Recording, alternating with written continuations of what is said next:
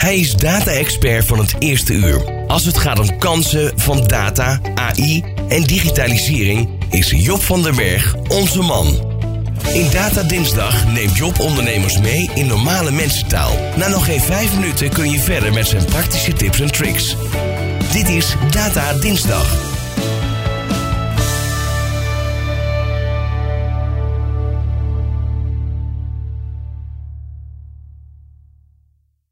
Ja, want het is alweer december. De meest hectische maand van het jaar. En misschien wel drukker dan vorig jaar, want in tegenstelling tot vorig jaar mogen we weer los. Met borrels, diners en andere activiteiten. Tussendoor ren je hard om het een mooie omzet, het jaar af te sluiten en komen klanten met last minute verzoeken omdat ze nog wat potjes op moeten maken. Oh ja, dan zou je bijna nog vergeten dat 2023 voor de deur staat. En je ook vooruit moet kijken. Wat gaan we volgend jaar doen? Welke doelstelling hebben we? Wat worden de targets? En welke budgetten? Kortom, rennen en dan is het op 1 januari. En dan komen de plannen voor 2023 tot executie. En natuurlijk wil jij volgend jaar groeien. Data kunnen je helpen om beter beslagen ten ijs te komen. En graag deel ik een aantal data tips en tricks om datagedreven het nieuwe jaar in te gaan en om een vliegende start te maken in 2023. Allereerst, it's not only about finance. Het jaarafsluit is bij veel bedrijven voor 80% finance gedreven. De boeken sluiten, kijken of de targets zijn gehaald. Maar kijk verder dan de finance silo. Vergeet niet de balans op te maken op andere terreinen. En sluit je af vanuit verschillende lenzen. Denk aan klanttevredenheid, medewerkerstevredenheid, maar ook economische omstandigheden, mediabesteding en HR-ontwikkelingen. Wat is het afgelopen jaar op deze terreinen gebeurd? Een daling, een stijging? Deze verbrede scope biedt een aantal voordelen. Allereerst, je beoordeelt het jaar op meer dan enkel financiële aspecten. Dat leidt ongetwijfeld tot interessante observaties, wat weer nuttige input is voor de jaarplannen en de hijsessies. Ten tweede zijn finance data een gevolg van de prestaties op HR, klanttevredenheid, medewerkertevredenheid en marketing media budgetten. Door ook naar deze terreinen te kijken, krijg je meer grip op de resultaten en de onderliggende oorzaken. Je kunt dus de resultaten beter duiden. Een tweede tip. Inflatiecorrecties en indexen op uurtarieven zijn meer dan ooit aan de orde van de dag. Ongetwijfeld een topic dat nu speelt in jouw managementteam. De hamvraag is, welk percentage ga je doorvoeren op je uurtarieven en prijzen? CBS geeft inzicht in de inflatieindices, zowel op de consument als zakelijke markt. Ongetwijfeld staat er in je algemene voorwaarden dat je die statistieken aan mag houden om tariefwijzigingen door te, voeren, door te voeren. Maar let op, jouw concurrent doet het ook, dus er komt sowieso een bepaalde mate een prijsspiraal. Prijzen lopen op en die worden doorberekend. Maar ook hier geldt dat een activiteit als indexeren vaak een eendimensionale benadering kent, alleen economisch gedreven. Maar kijk ook eens naar andere factoren. Neem bijvoorbeeld klanttevredenheid. Is die hoog? Dan heb je reden om misschien nog net iets hoger te gaan zitten. Klanten zijn blij, er is behoefte. Dat bepaalt ook het tarief omhoog kan. Kortom, it's not only about finance and economics.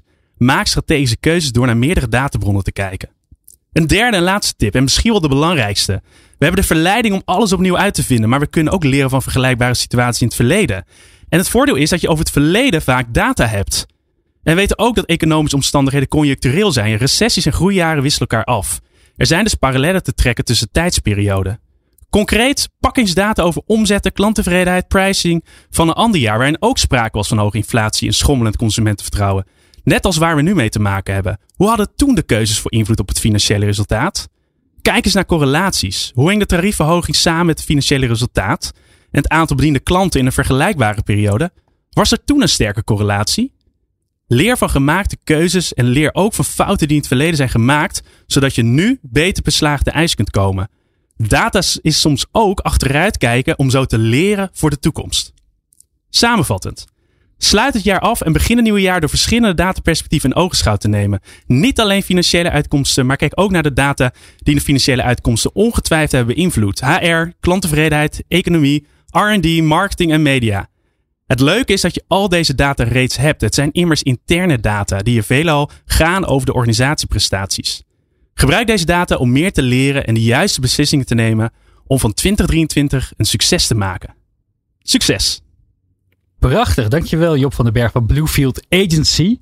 Ja, en eigenlijk ook uh, gelijk uh, aan jou de vraag. Hidde, wat, wat, uh, hoe kijk jij hiernaar? Wat, en en wat, welke lessen trek jij hieruit? Is dat driftig mee te schrijven in ieder geval? Ja, omdat wat ik, er, eh, wat ik er mooi aan vind inderdaad is dat uh, het zinnetje dat uh, met name financiële resultaten zijn uiteindelijk de uitkomst, en beter gezegd de optelsom, of soms aftreksom, dat kan ook, van alles wat je daarvoor doet.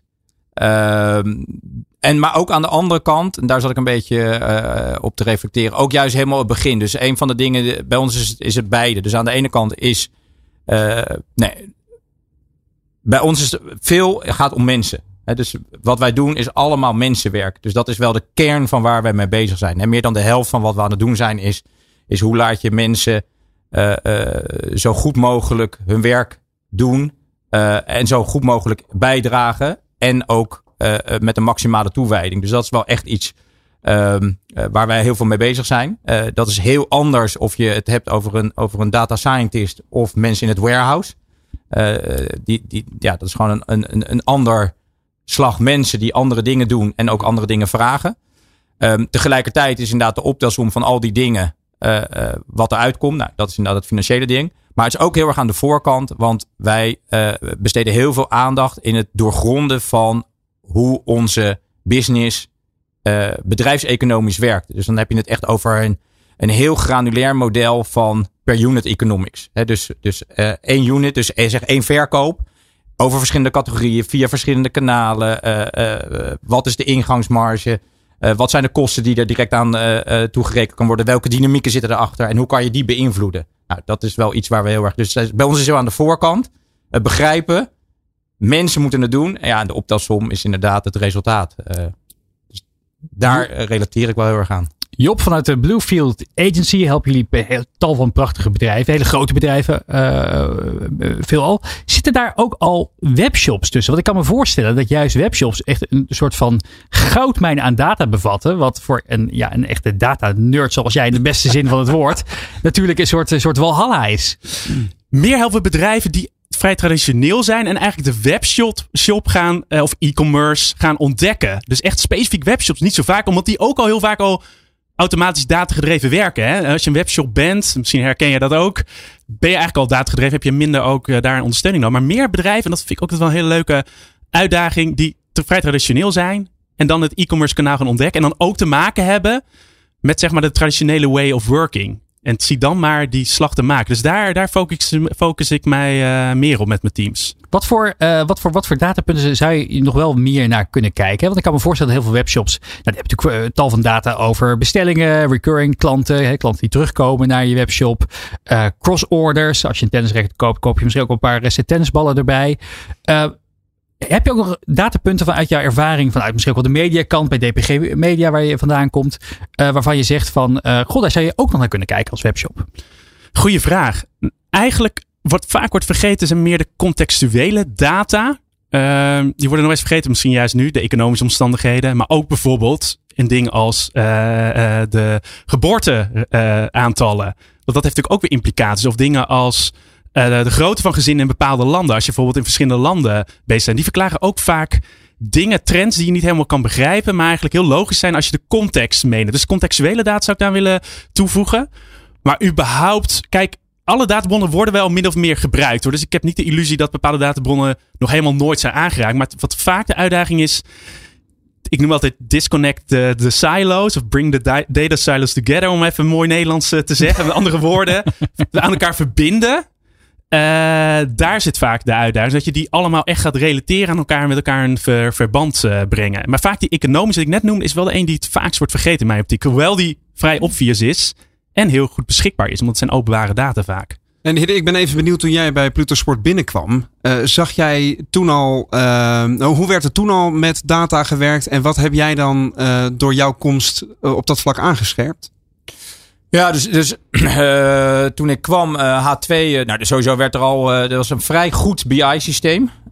waarin al heel veel data over klanten, orders, et cetera, werd verzameld en bijgehouden. Mm -hmm. dus met name aan de, aan de klant- en verkoopkant, daar stond al veel. H2 was al een jaar eerder ingestapt en die hadden al samen of meegeholpen om bij Pluto eigenlijk het hele deel van pricing uh, te automatiseren. Ja. Dus het aan de ene kant in de gaten houden wat onze prijs is, wat de markt doet, wat anderen doen en wat dat betekent voor ons. Um, en met name sinds dat ik gestart ben, wat we met elkaar hebben gedaan, is nog een aantal extra stappen gezet. Dus sowieso rondom die pricing kant. Sowieso ook rondom de lower funnel marketing. beter begrijpen wat nou, dan heb je het echt over prijselasticiteitscurves. Uh, wat betekent het als je prijzen verlaagt? Welke afstand, et cetera? Is dat een, een, een, een, een, een lineaire lijn of, of, of, is het bijna een trapje? Want dan houdt het heel erg met concurrenten te maken, wat, wat vaak zo lijkt. Dus eigenlijk leer je op die manier ook van het verleden zoals Job als, als, als tip al meegaf. Ja, ja, ja zeker, zeker. We kijken heel veel, dus uiteindelijk gaat het bij ons heel veel om hypotheses bedenken uh, die vervolgens uitvoeren in, op kleine schaal in pilots. Heel veel pilots draaien. En op basis daarvan kijken of je patronen ziet. En die dan gaan toepassen. Ja, dan kennen AB-testing uh, veel. Ja, heel veel AB-testen, et cetera. En wat blijkt dan heel goed te werken? Wat er, blijkt, is er ergens een vinger op te leggen? Nou ja, uiteindelijk in de basis gaat het natuurlijk om, om, om, om consumentengedrag. En het gaat om, om, om één ding, is relevantie. Dus, en we weten allemaal dat het juiste product adviseren wat past bij jouw behoefte van dat moment, dat werkt. Ja. Uh, uh, en een aantrekkelijke prijs werkt ook. dus als je kijkt naar, naar, naar consumentengedrag, dan zie je natuurlijk wel een aantal drivers daarachter, die heel veel mensen hebben. Tegelijkertijd aan de andere kant, en dat is wat Daniel Kahneman natuurlijk ook laat zien, hebben we een aantal andere gedragseconomen. Het laat ook zien dat mensen vrij onbewust en irrationeel handelen. Dus ja, het is een beetje proberen het optimum tussen die beide te vinden en daar uh, je voordeel mee te doen. Dat is wat wij proberen in ieder geval. Ja, en ik, eh, de, als, het, als het makkelijk was, dan waren we allemaal al lang multimiljonair geweest. Het klinkt altijd op papier simpeler dan het is in de praktijk. Zeker. In PowerPoint en Excel is het heel makkelijk. Ja, als we 1% van de markt hebben, dan zijn we met z'n allen heel erg welvarend bezig. Job, misschien nog een laatste tip voor, uh, voor webshops. Uh, webshop-eigenaren uh, die misschien niet zo groot zijn en zover als Pluto Sport. wat, waar, waar zou je hoe, moeten beginnen om nog meer datagedreven te kunnen werken? Nou, de webshop is een heel dankbare manier om te laten zien wat de waarde van data is. Want ik weet niet of je het herkent, als je soms kleine aanpassingen doet, kan het al heel veel opleveren. Dat zijn echt 0,02% levert dat op. Maar omdat er zulke grote aantallen zijn, heeft dat toch best wel een significante impact op het, op de financiële resultaat. En juist om die reden dat je een webshop best wel goed de ROI, de return on investment, dus wat je ermee kan bereiken met data inzichtelijk kan maken. Want mensen kopen het meer, je past iets aan op de website. Het is zo duidelijk. Er zou ik webshops aanraden om gewoon eens wat dingen te proberen. En dat AB testen, wat niets anders is dan probeer het een keer uit, kijken of het werkt en dan implementeer het ja of nee. Um, dat zou ik zeggen, ga het gewoon eens proberen, try on error. En laat ook zien van jongens, we hebben dit plaatje aangepast, want we denken dat om die en die reden. Dat heeft dit opgeleverd en dan gaat het vliegwiel ook sneller draaien. Dit was Data Dinsdag met Job van den Berg van Bluefield Agency. Zijn radiocolumn kun je wekelijks ook live beluisteren. Op de dinsdag bij De Ondernemer Live op Nieuw Business Radio. Ben je nieuwsgierig naar ondernemersnieuws, maar dan op zijn Nico's? Luister dan de podcast Ondernemertjes. Met onze huiskolonist Nico Dijkshoorn.